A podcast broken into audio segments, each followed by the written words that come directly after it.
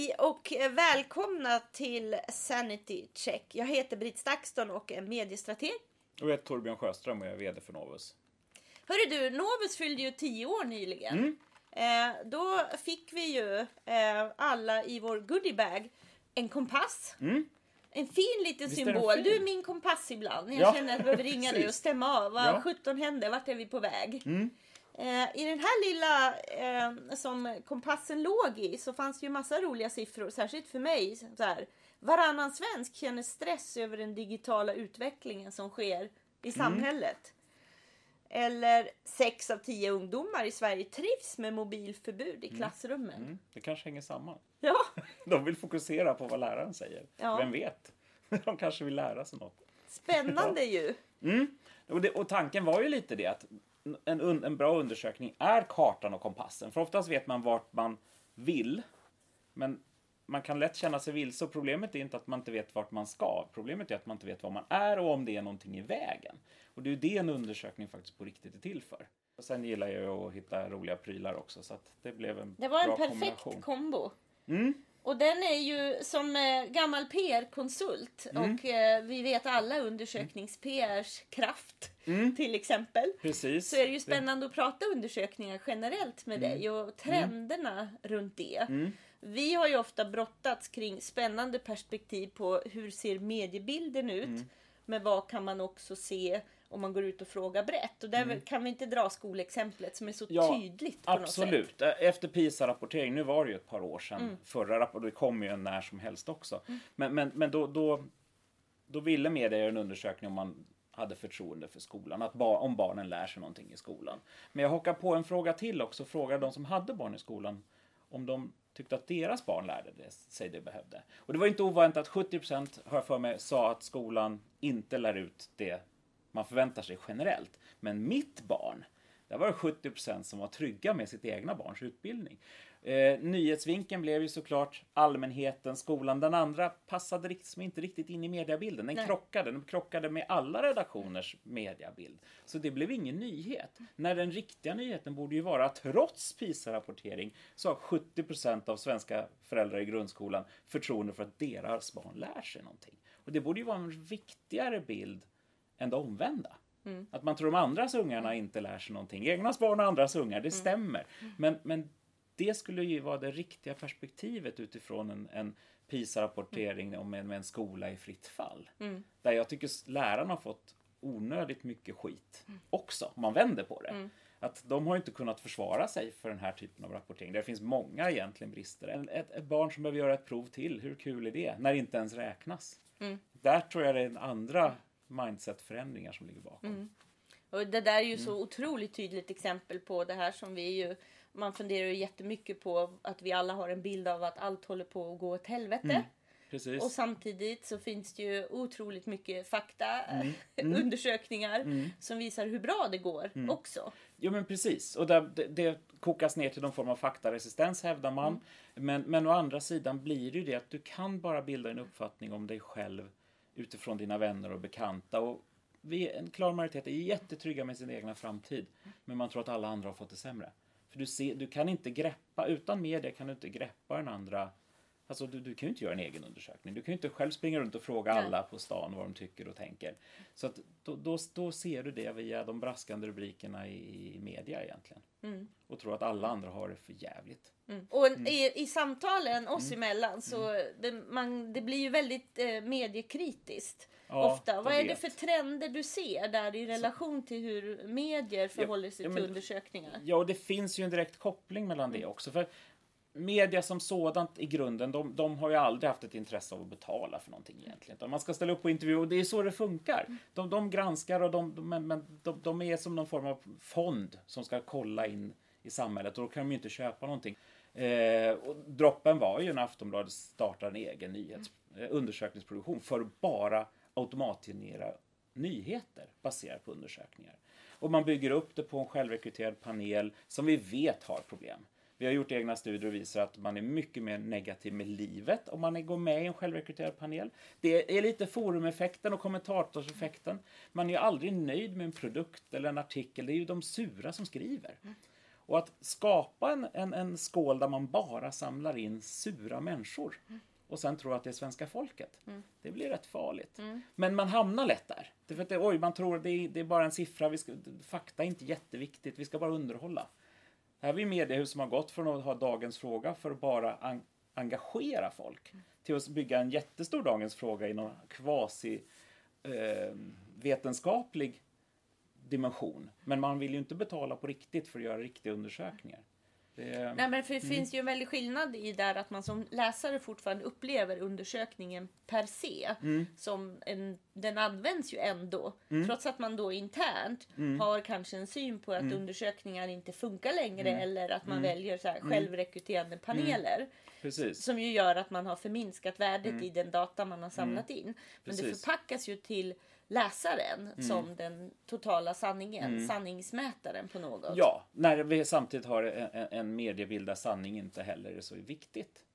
Det är ju mer underhållning där gulliga katter eh, konkurrerar med, med självmordsbombare i, i medieutrymmet. Så, så, så, trycker man in undersökningar som någon form av underhållningsvåld det också.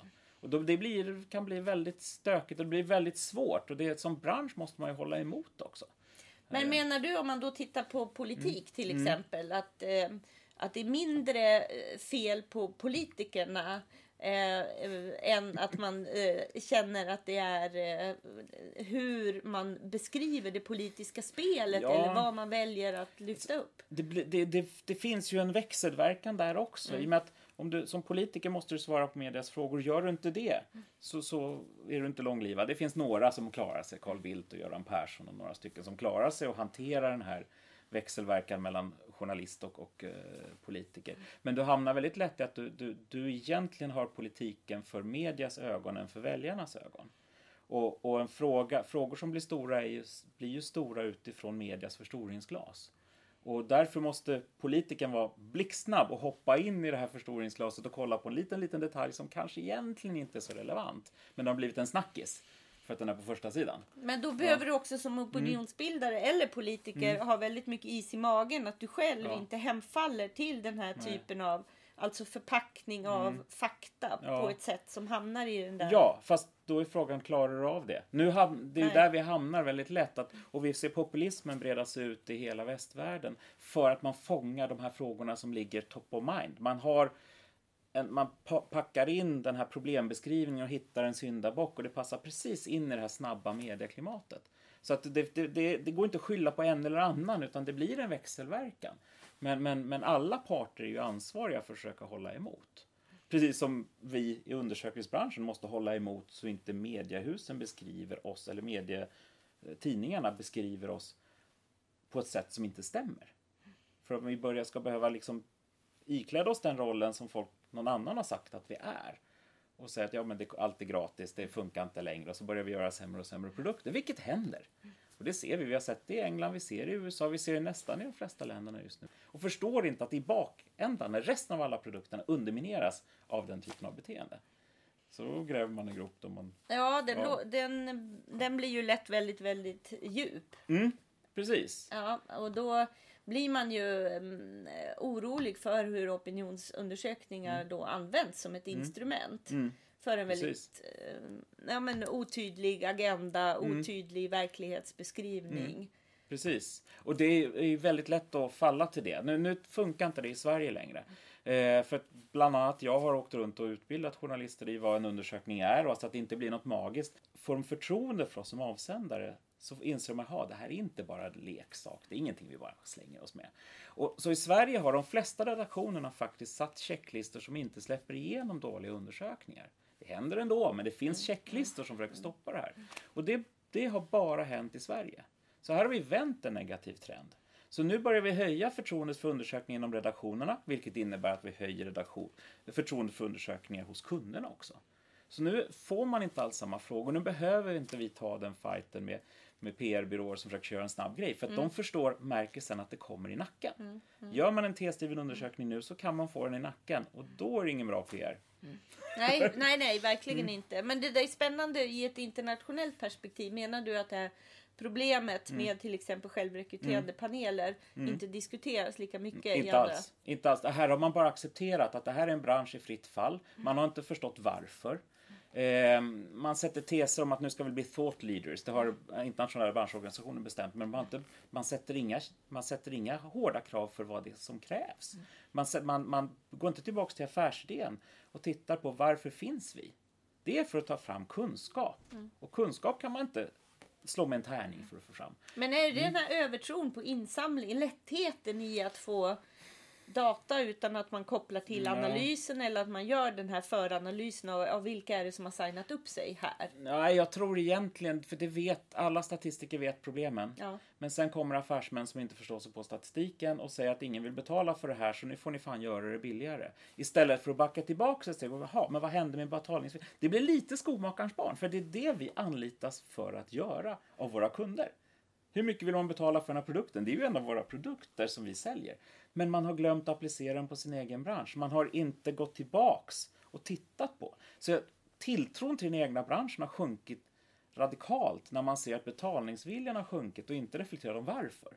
Och det blir nästan lite komiskt när man tänker på det så, eller tra- tragikomiskt. Eh, Om man inte är undersökningsnörd Mm. eller i branschen så då får man ju alltid den referens som alltid görs. Det är att undersökningen inte funkar för att vi inte har fasta telefoner längre. Mm, precis, vilket ju är rätt fascinerande för Ja. vi har ju en övertäckning på mobiltelefoner i Sverige med över 100%. Man har ju minst ett nummer. Och i Sverige kan du få fram 85% av alla svenskar har ett registrerat telefonnummer, fast eller mobilt. De sista 15% skickar vi faktiskt vykort till. Ja, så att vi når dem, och- men det är vi nog. Ja, rätt ensamma om ja. att göra. Men vi är lite jobbigare än alla andra. För att vi vill att det ska bli bra. Ehm, Men, men man blandar ofta ihop USA och Sverige. I USA så får du inte ringa det finns inga nationella mobilregister i USA. Och forskningen på undersökningsbranschen är i USA. Så man tittar, man tror att vi har, har svenska förutsättningar i USA och avfärdar allt som faktiskt funkar. Vi, i, Sverige, I USA har man 15 miljoner papperslösa som ändå får jobba. Jag tror till och med de betalar skatt. Men du får inte rösta till exempel. Så att du har helt andra problem. I Sverige vet vi vad 100% av svenskarna jobbar och allt. Vi har ju faktiskt ett väldigt bra koll på folk på ett positivt sätt. Och man svarar om man får frågan. Men samtidigt en intressant grej i USA. Obama, fast han har ju väldigt mycket pengar. Han hade 100 miljoner dollar eh, till teknikutveckling i sin kampanj. Han satte upp en egen undersökningsverksamhet, ringde 6 000 telefonsamtal om dagen och han visste i september att han skulle vinna. Men det är få som vet tyvärr. Mm, Ja, men väldigt, väldigt spännande. Ja, så det går till och med i. USA där folk inte har fasta telefoner längre och man har jättestora problem. Så vill man så kan man. Ja, men du, har du några så här ehm, undersökningar som, som borde ha gjorts? Och jag hade ju velat undersöka journalister egentligen. Ja, Om de tror att de har någon framtid och hur nöjda de är med sitt jobb. Ja. För där tror jag det, det, går, det kommer skilja sig enormt jämfört med de flesta andra anställda i Sverige. just. Eh, samtidigt får de betalt för att beskriva samhället. Och det, vad händer med en kartritare som inte tror att han kommer att överleva resan? Hur kommer den kartan se ut? Sjukt spännande. Eh, det Men, där eh, skulle man, kan man då se, eh, du menar att man då skulle kunna se eh, tema, vinklar precis utifrån den här dystopiska världsbilden delvis? Ja, sen Ja. Är, det ju inte, det är inte medvetet. Det finns ingen konspiration. Det är Nej. helt ofrivilligt, men Ja. det är också fullständigt mänskligt. Vi ser en utveckling i mediebranschen som inte är positiv. Vi ser robotiseringen, vi ser eh, bemanningsföretag, eh, anställningstryggheten är mycket svag där. För mig som har kommit från helt andra branscher innan, jag är ju, har en IT-utbildning och är ingenjör, ser ju, och lärde känna mediebranschen, men herregud. Finns det såna här Men shit, Ja. du sitter ju lite på en av eh, förklaringarna kanske till Kanske. varför eh, den här eh, digitaliseringen har beskrivits så extremt dystopiskt. Ja, och det kanske vi får prata om nästa gång. Ja, Ja. lite mer om. Ja, faktiskt. Ja. Mm. Ja, vi säger väl eh, tack och hej för den här gången. Lite sanity check angående undersökningar och kunskap och eh, analys helt enkelt. Ja, tack så mycket.